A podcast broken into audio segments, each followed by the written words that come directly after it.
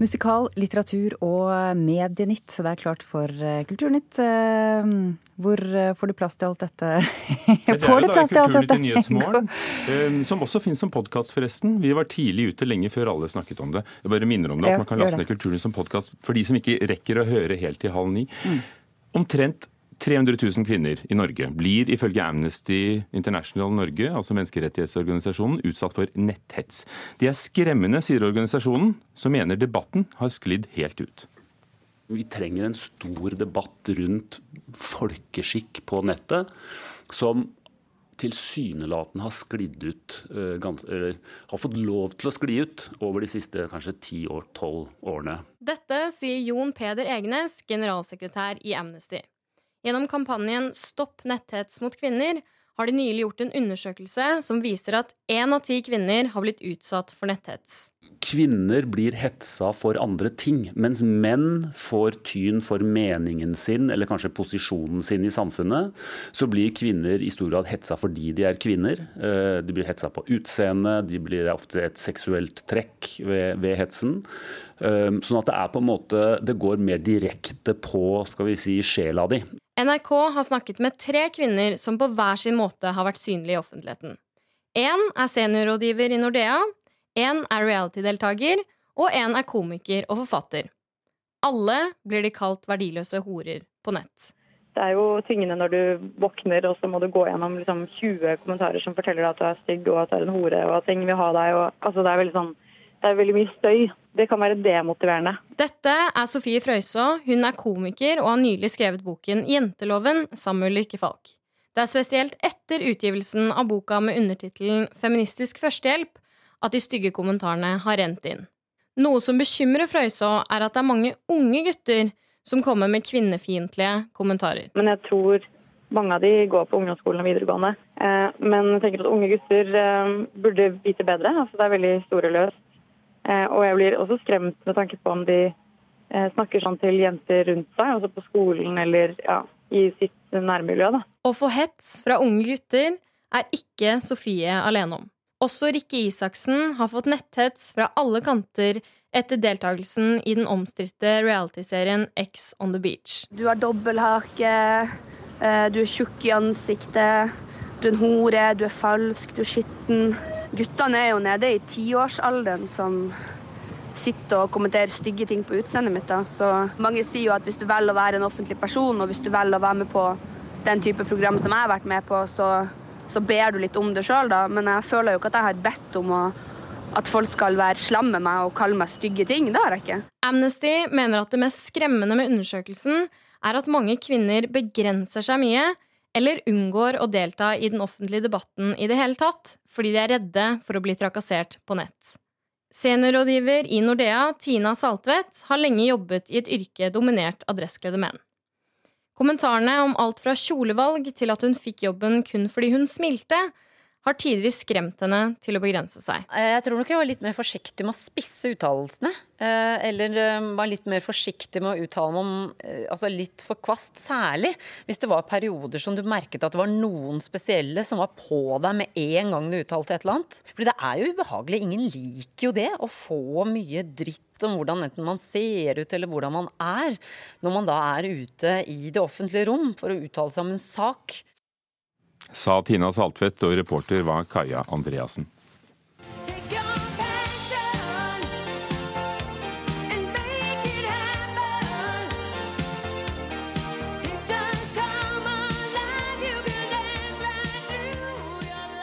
Heidi Ruud Ellingsen, god morgen. God morgen. Hvilke minner vekker dette for deg? Altså, først og fremst så får jeg jo sånn følelse at nå er jeg i gang. Får litt sånn blodsmak og syre i kroppen. For det vi hører her, er altså Flashdance fra 1983. Irene Cara som synger. Jennifer Beale spilte hovedrollen i filmen som gikk mm. på Colosseum og i alle andre store kinoer i Norge i 83. Mm. Da så ikke du det? Nei, det var to år før jeg var født. Eh, men jeg husker jo, altså som ung eh, jente som gikk på ballettskolen og drømte om å, om å danse, eh, så, så var jo den filmen en av de store inspirasjonsfilmene som jeg og mine venner så. Og nå spiller du hovedrollen. Alex, i musikalen Flashdance, som kom på, i 2008 til verden, men til Norge først nå. Premiere mm. bare for en knapp uke siden. VGs anmelder skriver at du er både barsk og øm, og gjør det med samme lidenskap som rollefiguren selv, som altså prøver å gjøre det stort i showbiz. Stemmer det? Er du intens og lidenskapelig, barsk og øm? Først må jeg bare si det er veldig hyggelig eh, å høre at eh, hun skriver det. Og så må jo publikum eh, selv bedømme hva de tenker. Jeg Men du følte å... sterkt for denne rollen?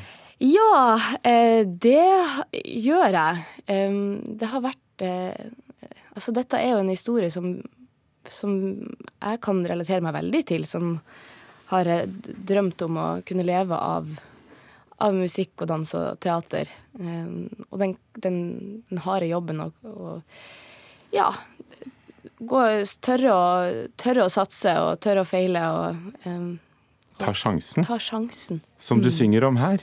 Ja. Vil heller ta en sjanse og se enn å aldri våge det. Jeg tar sjanser hver dag Sånn er jo mitt fag. Det er det du er født til.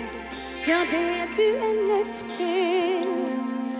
Du, jeg må stikke. Harry har satt meg opp på det første skiftet. Vi snakkes. Ja. Hei, Gloria. Fra Chateau Neuf. Hva er for deg det som gjør at Flashdance sitter som en historie?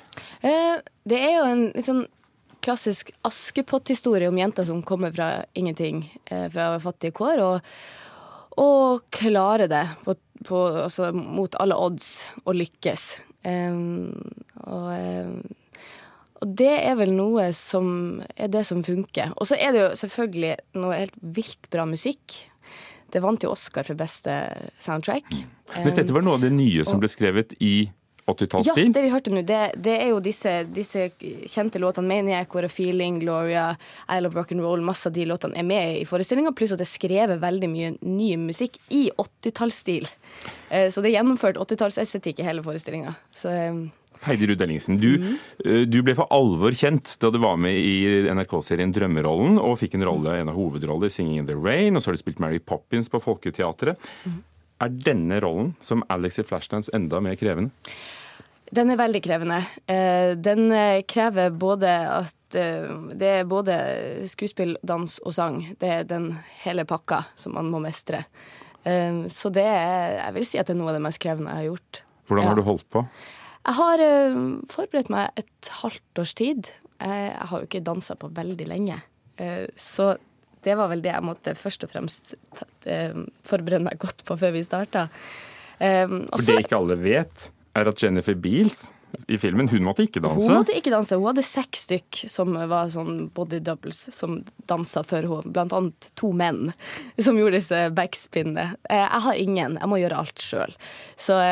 Men det, jeg elsker jo utfordringer og presser meg litt ekstra. Men så er jeg jo ikke alene. Jeg, jo, jeg er jo en del av en fantastisk gjeng. Helt kjempegode folk eh, i alle ledd både dansere og sangere og skuespillere. Som, eh, så vi, vi, er jo flere som drar lasset. For det er jo dans, og det er hitlåter, og, og det er jo dette som er musikal. Og hva ja. syns du musikalen kan gi oss og deg, som ikke alle andre kunstformer jo, kan? Jo, når det funker. Altså, dette med å bryte ut i sang og dans er jo ikke alltid så naturlig, kan man tenke. Men når det funker det er For deg er det helt naturlig? Ja, ikke sant. Jeg ser på sønnen min på to år. Han, når han blir veldig glad eller så så, så bryter han jo ut, begynner han å danse eller synge. Så egentlig så tenker jeg at det er ikke så unaturlig. Men det skal funke i en scenisk Man plutselig snakker, og så skal man begynne å danse og synge. Når det funker, så mener jeg at det er ikke noe annet som er bedre. Det, en, det løftes, det, det, opphøyes, og det, det, spiller på noen helt andre sanser for publikum.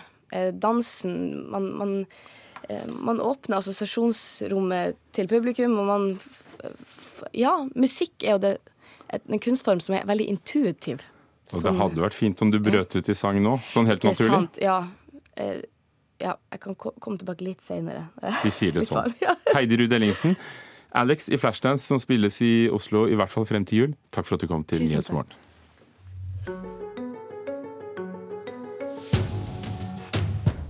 Og at en kjent film blir brukt som eh, utgangspunkt eh, for en musikkutgivelse, er, eh, er, jo altså ikke så ukjent, eller en musikal, som vi hørte om, men nå skal det motsatte prøves på den store scenen. They never did like mama's homemade dress. Papa's bankbook wasn't big enough. And I was standing on the side of the road, rain falling on my shoes. Bob Dylan, Daniel Eriksen, um, 'Tangled Up in Blue'. Hva skal skje med den sangen? Det, var, det er veldig fristende å bare bryte ut i sang, Jeg har litt lyst til det, men jeg skal fortelle helt vanlig. Det er ganske moro, for det, det er britiske Guardian som har en sak om den, en ny film av regissøren Luca Guadagnino. Guadagnino. Han som, ja, riktig. Han som har regissert den prisvinnende 'Call Me By Your Name'. Det er godt du sitter her, Hugo. Han skal nå tolke Bob Dylan-albumet 'Blood On The Tracks' som en film. Så metoden er på en måte litt lik som eh, da Pink Floyd ga ut filmen The Wall, eh, som var laga etter albumet. Men denne filmen blir nok litt mer vanlig film, fordi at det er i all hovedsak tekstinnhold og tematikk fra albumet som skal tolkes. De siste årene har vi fått mange filmer og TV-serier som nordmenn elsker å se om andre verdenskrig og nordmenn under andre verdenskrig. Ofte er det da heltene, de som i ettertid ble helter. Denne gangen er det ikke helten, men denne mannen sitt fedrelands, de må kjenne Norges historie, de må kjenne Europas historie. Partipolitikken, det tidevervet, det er altså nå slutt. Det er begravet under sine egne ruiner. Det er ikke bare dødt, men det har gått. Vidkun Quisling fra en tale i Håndverkeren september 1940. Du verden, eh, hvem skal spille ham, og hva blir det? Det blir Anders Båsmo Christiansen, han som eh, faktisk spilte folkehelten kronprins Olav i 'Kongens nei'. Så nå skal han spille hans eh, motstykke, på en måte, landsforræder eh, Vidkun Quisling. Eh, det er serieskaper Anders Tangen som har valgt han, og han beskriver Anders Båsmo Christiansen som en av våre aller beste skuespillere, og at han var et helt naturlig valg til rollen. Vet vi nå når filmen kommer, eller serien? Det blir en liten stund. Kanskje fortere hvis noen TV-kanaler eh, kjøper opp prosjektet, men eh, premiere tidligst 2021, og produksjonen er altså på jakt etter noen som kan finansiere nå. Takk, Daniel Eriksen. Thomas Espedal To ganger nominert til Nordisk råds litteraturpris og flere andre priser, og et navn som kommer opp i samme åndedrag som vi sier norsk samtidslitteratur. Han skriver personlige bøker, og en av hans nyeste er Mitt privatliv, der han også har med bilder fra livet sitt, hus og skrivebord, familie og venner. Nå har han skrevet en ny roman, som på tross av tittelen Elsken handler om døden. Marta Norheim, litteraturkritiker i NRK, hva slags bok er Elsken? Jo, dette handler om en mann som bestemmer seg for å leve ett år til, og så ta livet av seg. Eh, og dette er en mann som heter Jeg. Um, altså, Jeg heter jo alle personene i Espedals bøker, for han skriver gjerne i første person, men denne er i tredje person. Um, kanskje jeg skal lese litt, bare for å nett... Ja. ja. Uh, jeg synger. Han er lystig ved tanken på sin snarlige død. Ikke 'jeg synger', han er lystig, men 'jeg synger'. Altså det, det er altså et substantiv og ikke et pronomen. Og da venner en seg fort til. Det er rart.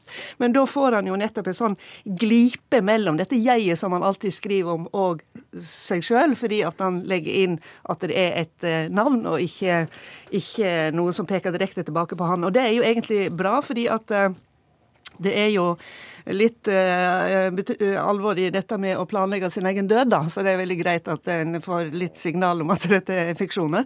Men så følger vi jo denne jeg gjennom året, og det som han opplever, er jo at uh, når han vet at han gjør ting for siste gang, så blir han jo så fryktelig glad i livet. Uh, og han begynner å lure på om han kanskje kan reforhandle denne planen og denne slags avtalen han har med døden, da. Er det da dumt for de som ikke har lest boken? Å stille spørsmål om, om jeg tar livet av seg i løpet av romanen? Det er ikke dumt å stille spørsmålet, men jeg vil ikke svare på det. fordi at det kommer helt til slutt, eventuelt, om det kommer.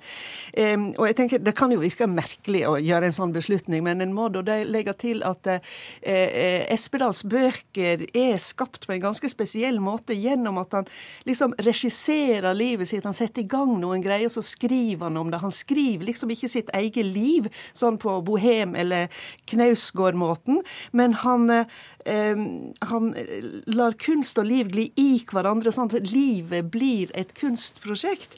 Eh, og han utforsker da livet gjennom å gjøre det til kunst, og nå altså døden.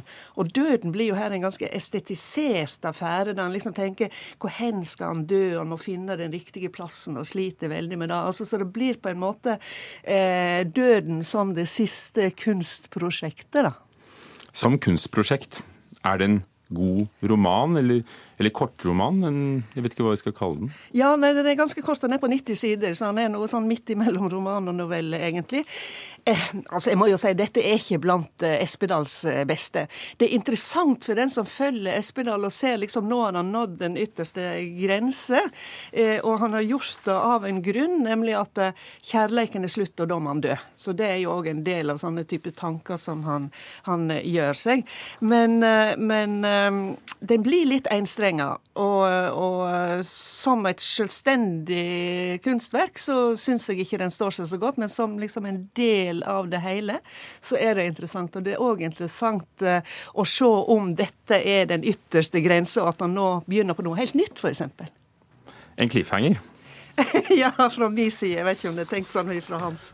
Takk, Marta Norheim om Thomas Espedals 'Elsken'. Dette var Kulturnytt, men det er jo en del av det store prosjektet Nyhetsmorgen klokken er halv ni.